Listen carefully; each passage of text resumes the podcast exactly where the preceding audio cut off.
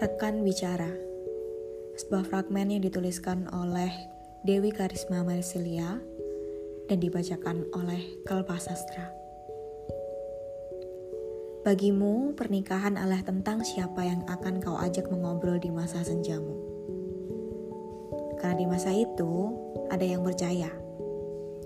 Tubuh kita yang kian menua dari waktu ke waktu tak akan dapat menikmati seks yang hebat atau melakukan hal-hal liar lagi. Kelak di masa tua, kita hanya akan menjadi dua orang yang kesepian yang butuh rekan bicara aku dan kau. Seperti yang kita sama-sama tahu, adalah dua orang yang tak perlu diragukan lagi daya bicaranya. Kita dapat menjadi akrab dengan siapa pun yang baru kita kenal, hanya bermodalkan senyuman dan keramahan. Kita dapat menjadi tanding setia bagi apa pun wacana yang diajukan, bila pun kita belum pernah mengetahui sebelumnya, kita punya sepasang mata yang akan mengerjap dengan takjub dan bersedia untuk mencari tahu. Kita akan menjadi sepasang pembicara yang saling memperhatikan dengan antusias. Malam selalu akan larut, dan pagi akan enggan berdiam lama. Waktu akan memampat kita akan jatuh cinta untuk kesekian kalinya dalam setiap apa pun yang kita pertukarkan. Ide, petualangan, kisah kerabat. Dengan ketangguhan untuk menghabiskan waktu hanya untuk saling mengobrol dan mengobrol, siapa pun akan jatuh cinta dengan kita. Terpesona, terbius, terbuai, terbuali. Dan karena itulah kau selalu meyakini bahwa kalaupun benar pernikahan hanya perkara mencari rekan bicara, maka kita bisa jadi tak perlu membentuk suatu intuisi hanya untuk kita berdua.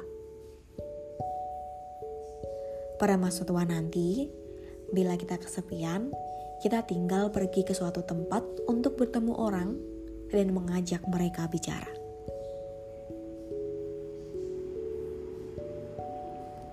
Orang yang kelak akan kita ajak bicara barangkali adalah seorang suami atau istri yang telah ditinggal mati oleh pasangannya. Atau kanak-kanak yang tersisihkan dari pertengkaran orang tuanya mereka akan berbahagia dan merasakan puber kesekian dan jatuh cinta lagi ketika mengobrol dengan kita. Dan bila mereka adalah kanak-kanak yang masih meraba-raba dunia, mereka akan belajar dari ketuaan kita. Namun, seperti yang kau tahu, kita sudah tak bisa jatuh cinta lagi kepada orang lain. Karena aku dan kau telah memilih satu sama lain yang sayangnya meyakini bahwa hidup bersama bukanlah jalan tunggal. Meski kita sudah tak bisa jatuh cinta lagi, kita tetap akan membuat mereka terpesona terbius, terbuai, dan terbuali, dan tak akan pernah peduli entahkah kita dapat membalas perasaan mereka.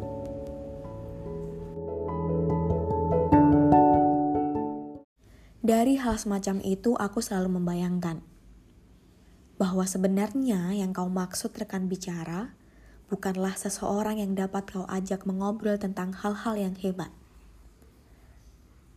atau malahan bukan juga tentang wacana-wacana sederhana yang telah terlampaui membumi. Mungkin sebenarnya kelak ketika tua, kita membutuhkan rekan bicara yang bisa bicara dari hati ke hati. Jadi, kita hanya akan bicara dengan genggaman tangan, kepala yang merebah di pundak satu sama lain, dan senandung lagu-lagu masa tua yang ditujukan untuk masa muda kita. Dan untuk hal-hal itu, Sebenarnya kau tak hanya butuh sekedar rekan bicara yang dapat kau temukan asal saja di jalanan. Barangkali seperti itu. Yogyakarta 20 Oktober 2014